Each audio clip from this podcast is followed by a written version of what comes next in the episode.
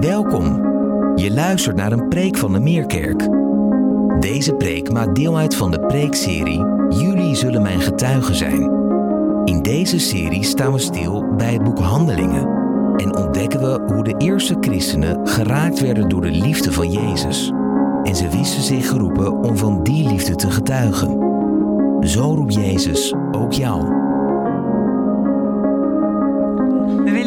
Lezen uit de Bijbel, uit Handelingen 3. Zoals ik al eerder noemde, Handelingen 3, vers 1 tot 16. Heb je een Bijbel bij je? Pak het erbij, zoek het op. Handelingen 3, vers 1 tot 16. En er staat boven genezing van een verlamde. En op een dag gingen Petrus en Johannes zoals gewoonlijk omstreeks het negen uur naar de tempel voor het namiddaggebed. En men had, ook een, had ook een man die al sinds zijn geboorte verlamd was naar de tempel gebracht. En hij werd daar elke dag neergelegd bij de poort die de Schone heet, om te bedelen bij de bezoekers van de tempel. En toen hij zag dat Petrus en Johannes de tempel wilden binnengaan, vroeg hij om een kleinigheid. En Petrus richtte zijn blik op hem, evenals Johannes, en zei: Kijk ons aan. En de bedelaar keek naar hen op in de verwachting iets van hen te krijgen. Maar Petrus zei: Zilver of goud heb ik niet. Maar wat ik wel heb, geef ik u. In de naam van Jezus Christus van Nazareth, sta op en loop. Hij pakte hem bij zijn rechterhand om hem overeind te helpen. En onmiddellijk kwam er kracht in zijn voeten en enkels. Hij sprong op, ging staan en begon te lopen.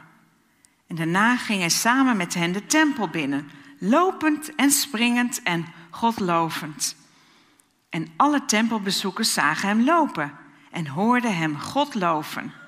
En ze herkenden hem als de bedelaar die altijd bij de tempelpoort had gezeten en waren buiten zichzelf van verbazing over wat er met hem gebeurd was.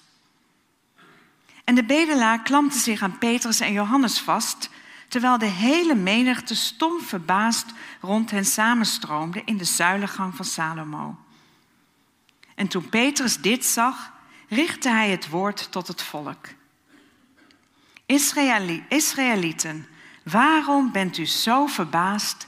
En waarom staart u ons aan alsof, alsof het aan onze eigen kracht of vroomheid te danken is dat deze man weer kan lopen? Dit kon gebeuren omdat de God van Abraham, Isaac en Jacob, de God van onze voorouders, aan Jezus, zijn dienaar, de hoogste eer heeft bewezen. Het is deze Jezus die door u is uitgeleverd en verstoten, ook toen Pilatus bereid was hem vrij te laten. U hebt de heilige en rechtvaardige verstoten en geëist dat aan een moordenaar gratie verleend zou worden. Hem die ons naar het leven leidt, hebt u gedood. Maar God heeft hem uit de dood doen opstaan en daarvan getuigen wij. En het komt door zijn naam en door het geloof in zijn naam dat deze man, die u hier voor u ziet en die u kent, kan lopen. Het geloof dat Jezus schenkt, heeft hem in aanwezigheid van u allen gezond gemaakt. Tot zover. Dag allemaal, goedemorgen. Goed om in jullie midden te zijn. Ik ben eh, inderdaad een aantal weken alleen. Mijn vrouw in Californië. En er wordt tegen mij gezegd: Fijn, kun je helemaal doen waar je zin in hebt. Maar zo werkt dat niet bij mij. Zij leeft nog meer in mijn hoofd op het moment dat ze in Californië is dan hier. Ik herinner me het moment dat ik in de auto in Duitsland met een enorme snelheid een vrachtauto inhaalde. En ineens wilde de auto niet meer. En uh, die kon nog maar 80 km per uur. Het turbo bleek stuk. En een auto gaat dan in de noodloop. Nou, zo voel ik mij een beetje deze weken. ik wil wel harder, maar, maar ik kan niet bij al mijn vermogen. En, eh, dus eh, ja, ik mis haar. Als ik, als ik eh, naar, naar de stek fiets, de, de plek waar wij kerken, s ochtends vroeg, dan hoor ik ineens in mijn hoofd um, liederen als Zonder jou is het thuis zo stil. Goed. Nou, dat, dat even dan weten jullie wie er tegenover staat vandaag. Nee, en, en het is inderdaad wel waar dan is wel de gemeente de mooiste plek. Dus eh, als je in, in de, de gemeenschap komt, dan. Um, ik, ik heb nog maar één keer zelf hoeven koken.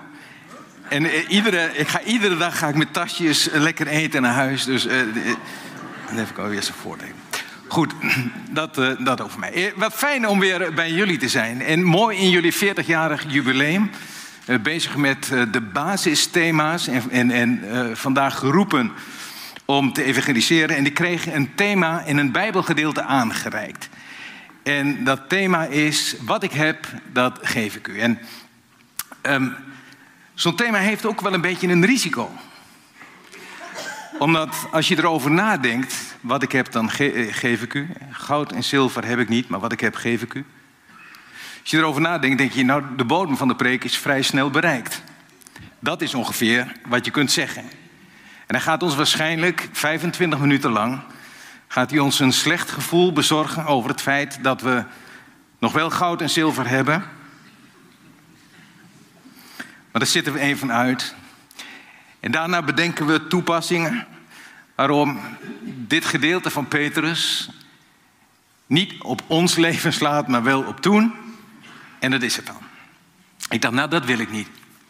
Maar dat wil ik ook niet voor mezelf. Dus ik heb de afgelopen weken veel nagedacht. En alle Bijbelvertalingen die er zijn, het eh, Grieks en de Message, en alle Engelse vertalingen erop nageslagen om het gedeelte in mijn hoofd en in mijn hart te laten leven.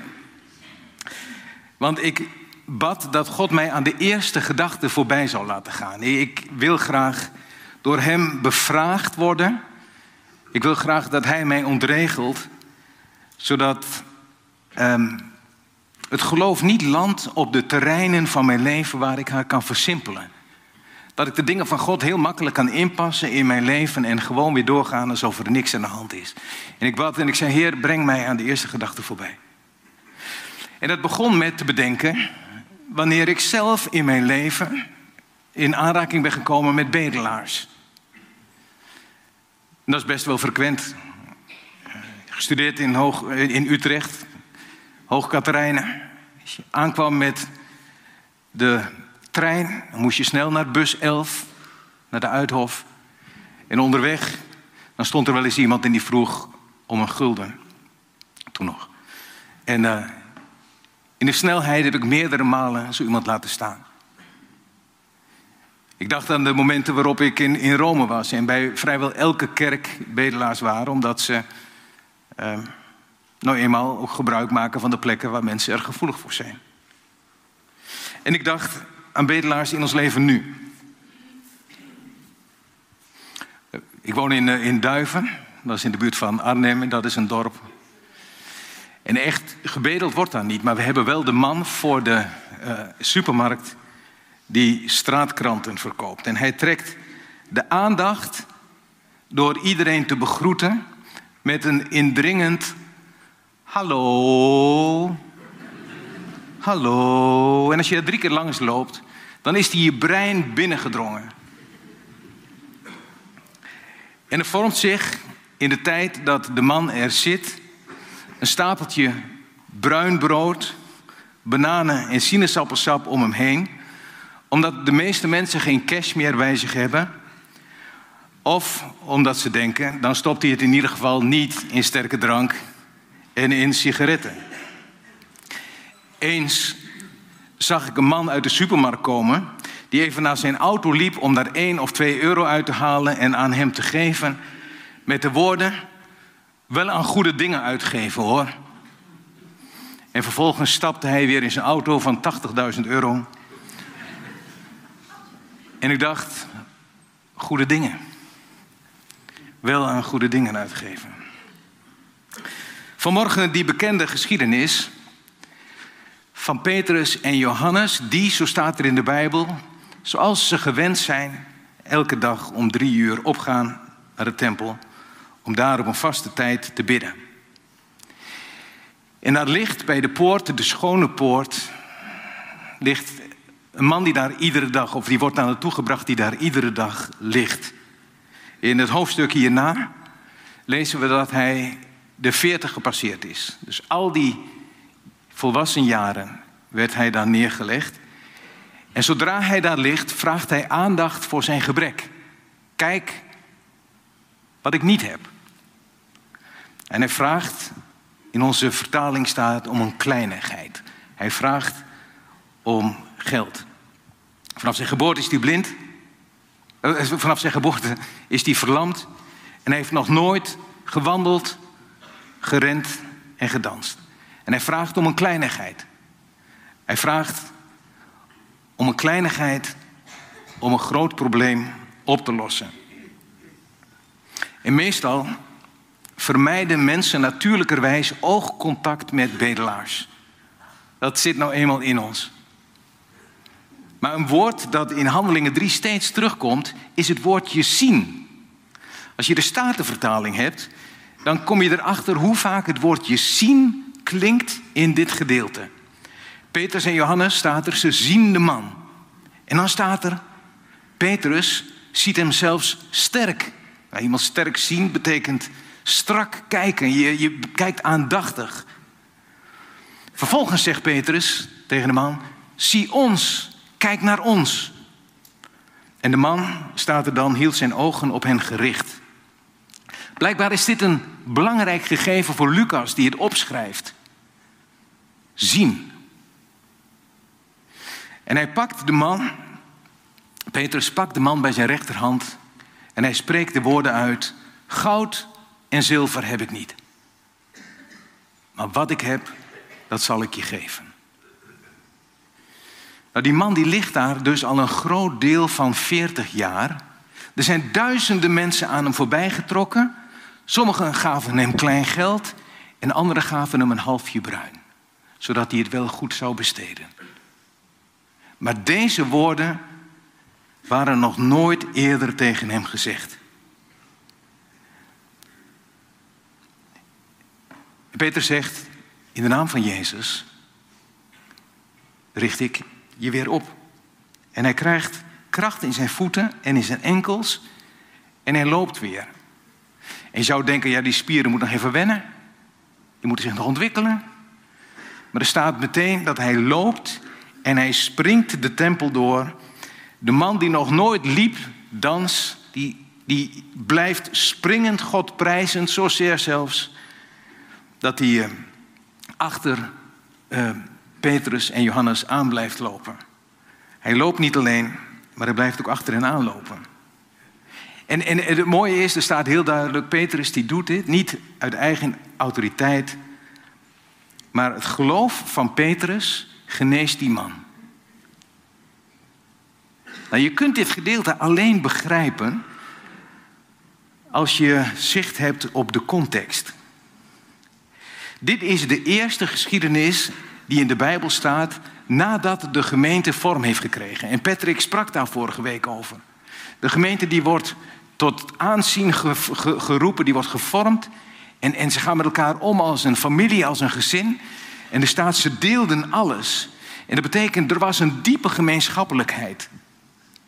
En dit is de eerste geschiedenis, het eerste verhaal wat staat opgetekend als die gemeente er is. En dan realiseer je, Petrus kijkt anders naar die man die daar bij de tempel ligt.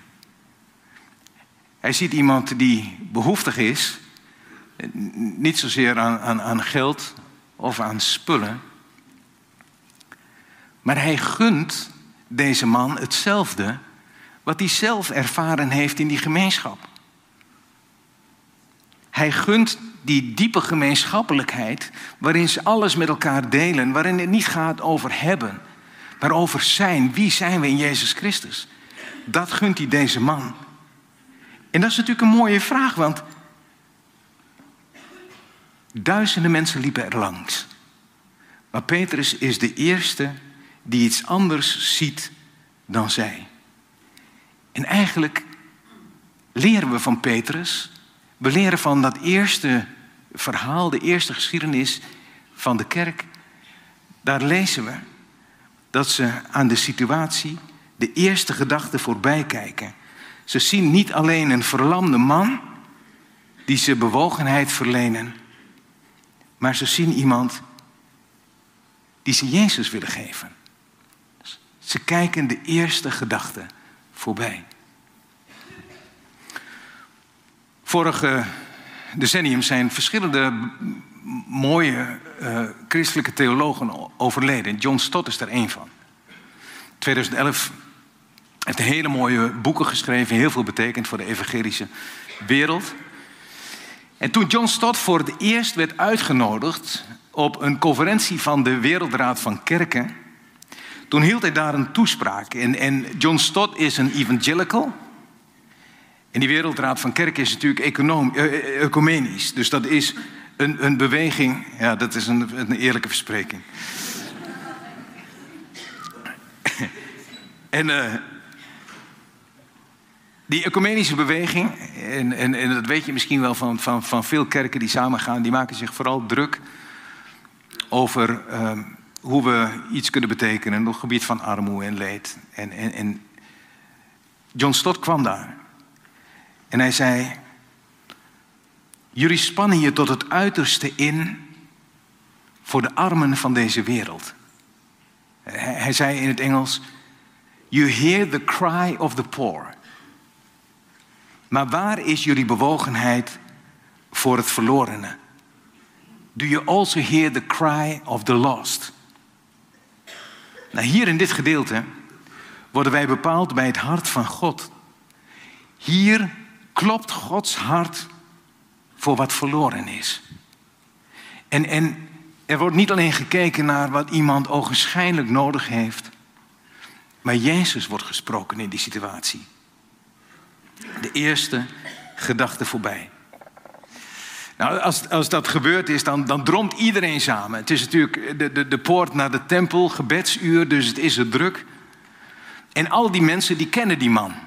Want ze hadden hem, hij, hij, hij had iets gedaan waardoor hij hun brein binnengedrongen was. En hier is een man die zijn hele leven lang aandacht vroeg voor zijn gebrek, terwijl de mensen wegkeken. Nu is dat gebrek er niet meer. En nu kijken ze wel. Ze zien hem lopen, springen en loven. En ze zijn vooral onder de indruk van het wonder. En Petrus grijpt die gelegenheid aan om Gods grote verhaal te delen. En opnieuw komt het woord zien terug. Petrus ziet de groep, zo staat er, en hij vraagt hen: Wat zien jullie? Ja, ze zien het wonder. Nou, Petrus doet niet zijn best om die hele groep bij elkaar te krijgen. Maar als die groep er is, dan deelt hij hetzelfde wat hij deelt met die man die daar ligt. Hij deelt Jezus. En bijzondere dingen, die gebeuren dus door heel natuurlijke situaties. Het, het zijn situaties waar, waar wij met elkaar voortdurend in geraken. En Petrus zegt, het is niet aan onze kracht te danken wat jullie gezien hebben. Maar de God van het begin van de Bijbel is ook de God die Jezus zond. En, en Petrus maakt het zijn toehoorders helemaal niet zo gemakkelijk. Hij houdt niet een of ander pleidooi om ze zo makkelijk mogelijk in het geloof te krijgen. Hij, uh, hij wil ze ontregelen, bevragen. En hij zegt, jullie hebben de auteur van het leven gedood. Een prachtige term die we te danken hebben aan de message van Eugène Peterson. Archegos. Soms vertaald met jullie hebben de leider van het leven.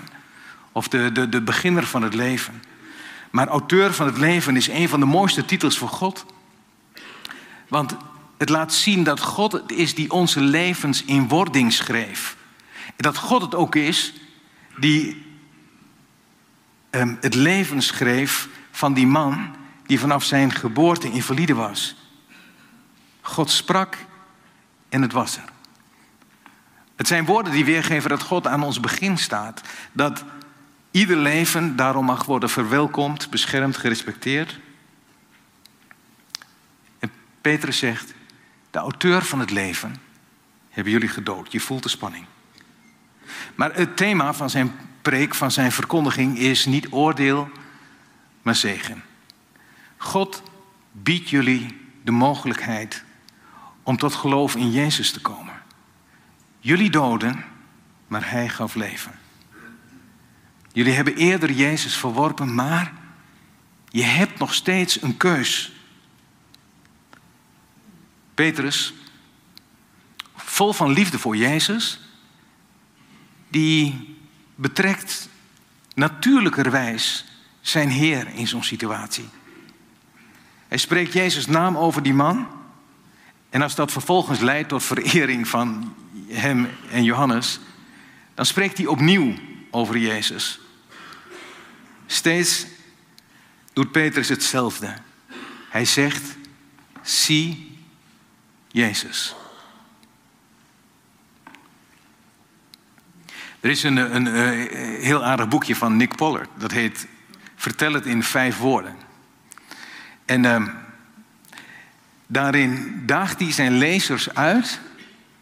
Breng op een eenvoudige manier je gesprek op wie Jezus is.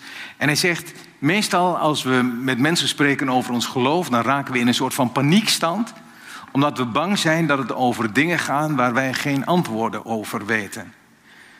En, en dat gebeurt ook vaak. Want velen van ons, als ze over een geloof spreken, dan zeggen ze iets als: Ik heb uh, God op een heel bijzondere manier in mijn leven ervaren. Daar ben ik gaan geloven. De reactie die je meestal krijgt is een compliment, een goed bedoeld compliment. Van uh, wat mooi voor jou. Maar ergens denken ze dat een soort van psychische component in je leven niet helemaal spoort. Andere mensen, als die over hun geloof spreken, die gooien het over een andere boeg. Zij zeggen, nou als ik kijk naar de schepping, de wereld is zo ingenieus ontworpen, er moet wel een intelligente ontwerper zijn. Wat wordt vervolgens het onderwerp van je gesprek? Vermoedelijk iets als evolutie. En sta je binnen drie tellen met je mond vol tanden. Het is interessant, maar wilde je het daar echt over hebben? En zo kun je natuurlijk nog wel even doorgaan.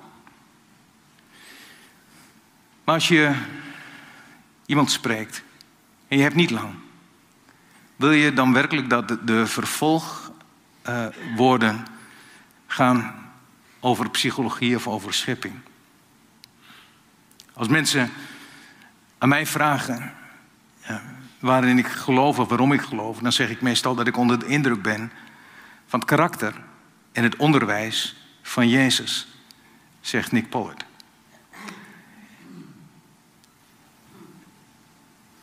Dat hij daardoor overtuigd is geraakt dat God bestaat. En dan kun je de vraag verwachten. Maar, maar, wat heeft Jezus dan gedaan? Of wie was hij dan? Of, of vertel over dat karakter. Maar wat je eigenlijk doet is, je richt op Jezus. Terug naar Handelingen 3. Weet je wat ik zo opvallend vond? De Heilige Geest wordt niet één keer genoemd in Handelingen 3. Daarvoor wel, geest net uitgestort, ze zijn vol van de geest, de geest is aan het werk, geen vlammen, vuur op het hoofd. Maar Handelingen 3 spreekt alleen over Jezus. De kracht van de Heilige Geest die is er. Maar nu spreken we over het geloof dat Jezus schenkt. En dan staat er, zegt Petrus, het geloof, um, ons geloof in Jezus heeft deze man gezond gemaakt in de aanwezigheid van u, van u allen. En ik vond het wel mooi, want als je in het Grieks kijkt naar gezond gemaakt, dan is dat holoklerian. En dat betekent een volledige gezondheid. Dus die man kreeg een volledige gezondheid. Dat is een beeld, dat staat er niet voor niks. Hij hoefde niet langzaam te leren lopen, die spieren waren meteen al krachtig. God doet soms ook wonderen waarbij we gradueel zien dat het beter wordt. Hè. Eerst zie ik de mensen als bomen, gewoon langzaam maar zeker meer contouren. Maar dat is hier niet zo. Iemand die verlamd, die invalide was, die kan meteen alles lopen, springen en dansen. God geeft volledige gezondheid. Dat is een beeld. Dat is een metafoor. Zijn spieren doen het meteen. Dat is wat geloof kan bewerken. En Petrus zegt: bekeer je. Het begint bij vergeving van zonde ontvangen. En hoewel dus al die mensen gehoord hebben van jullie hebben Jezus gedood. Er is schuld in je leven. Komen er op die dag heel veel mensen tot geloof. Waren er op de eerste Pinksterdag 3000. Nu stijgt het aantal tot 5000 mensen. Dat verhaal. Jullie gaan volgende week verder met, uh, met Handelingen 5. Dus jullie staan het volgende hoofdstuk over. Vandaar dat ik nog even vertel wat, wat, wat daar gebeurt. Petrus en Johannes worden gevangen genomen voor iets dat ze voor een invalide man hebben gedaan, waardoor hij is genezen. Dus zij worden gevangen genomen voor iets wat ze door een invalide man gedaan hebben, waardoor hij werd genezen. Laat dat op je inwerken. En dan komt hij in de gevangenis en dan denk je: hoe kan dit nou? Kan dit nou het resultaat zijn? Dat is wat je het eerste ziet. En wat gebeurt er? Ook daar spreken zij over Jezus. De eerste gedachte van de teleurstelling voorbij. En, en, en er is gewoon in de Bijbel, bij iedere vooruitgang is er tegenstand. De eerste gedachte voorbij. Dat is een ongelooflijk belangrijk principe in Gods koninkrijk. Ik heb gisteren met een vriend gemountainbiked. En ik uh, vertelde hem dat ik vandaag hier zou zijn. En ik zeg, geef me nog eens input over de preek. En we hadden het samen over die man voor de Albert Heijn bij ons in Duiven.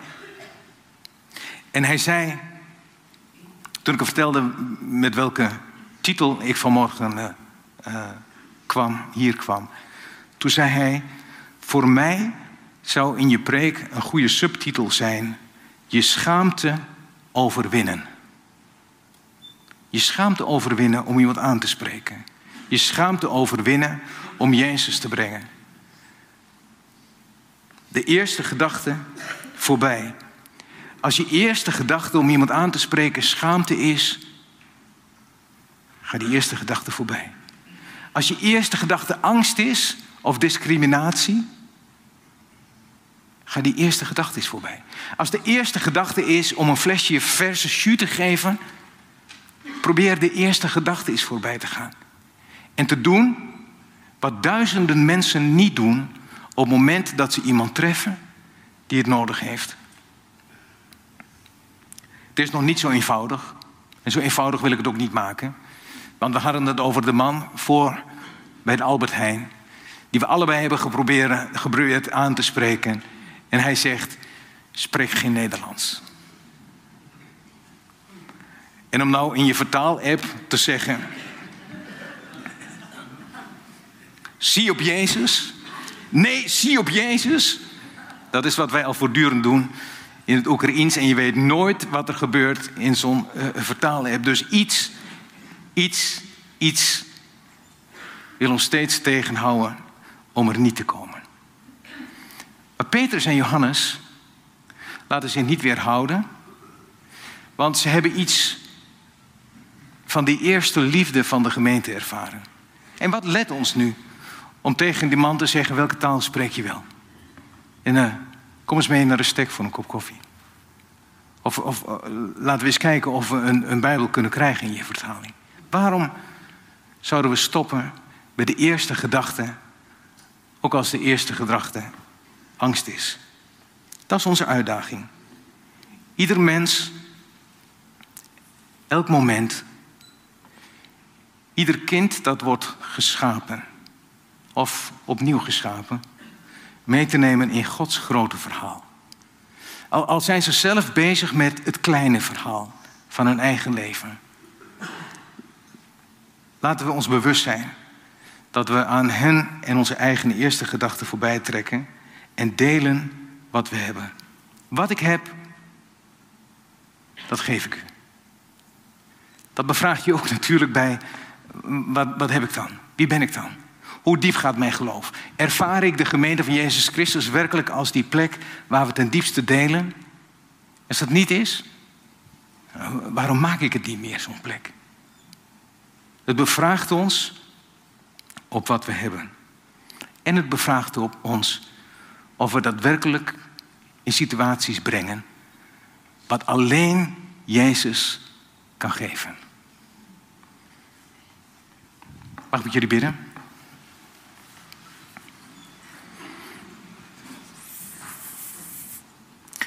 Lieve Hemelse Vader, ik wil u danken.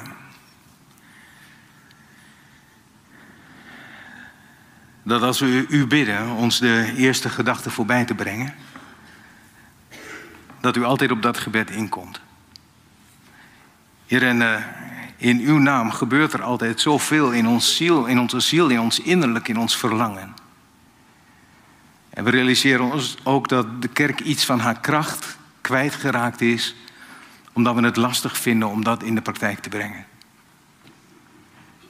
Maar wat mag er iets van ons uitgaan? Heer, als we op de plek waar we door u gesteld zijn, verder kijken dan wat we in eerste instantie opmerken. Ik wil u bidden, Heer, voor eh, ons allemaal zoals we hier zijn. Als we morgen onze huizen weer verlaten en als we naar, naar ons werk gaan of, of naar onze opleidingen. Dat we u op de situatie betrekken en u zien achter de verlangens van mensen. En, en, en dat als mensen spreken over hun behoeften, dat we niet alleen het hart zien van de, de, de eh, mensen die iets nodig hebben, die arm zijn. Maar Heer, dat we opmerkzaam worden voor verloren zielen. Ik wil u bidden, Heer, geef ons daarin een zacht hart. Geef dat we het niet zo eenvoudig opzij kunnen drukken dat er uiteindelijk toch weer niks gebeurt. Maar Heer, kom in ons, in, ons, in ons wezen. Kom in dat centrum waarin uw geest toegang heeft en eh, waar u zoveel kunt bewerkstelligen voor ons en in ons, dat het te veel wordt om voor onszelf te houden. Heer, ik, eh, ik weet zeker dat de meesten van ons zouden zeggen dat ze meer zegen van u ontvangen hebben dan ze voor zichzelf nodig hebben of voor zichzelf moeten houden. En, en, soms is het haast een zonde op het moment dat we alle gelegenheden die u geeft niet waarmaken. En Heer, ik, ik bid u vandaag voor zoveel ongerealiseerde mogelijkheden die wij vertegenwoordigen. Uw kerk. Heren, wilt u daar vat op krijgen? Maak onze harten zacht. Geef dat we liefde hebben voor ieder mens. Dat door angst of discriminatie we niet worden tegengehouden om de dingen te doen die u van ons vraagt. Help ons te zien dat elk mens u als auteur van zijn of haar leven heeft, door u gewild, geliefd, gewenst is. En dat we van daaruit, Heer, hen mogen benaderen en hen mogen liefhebben. Heer, eh, en wat we ook hebben, of het uh, veel is of weinig, of het een grote wijsheid is of, of maar een heel klein stukje. Wat we hebben, dat willen we schenken. En Heer, dat kunnen we alleen doen. Omdat wat we hebben eerst aan u geschonken is. Jezus, alles geven wij aan u. Amen.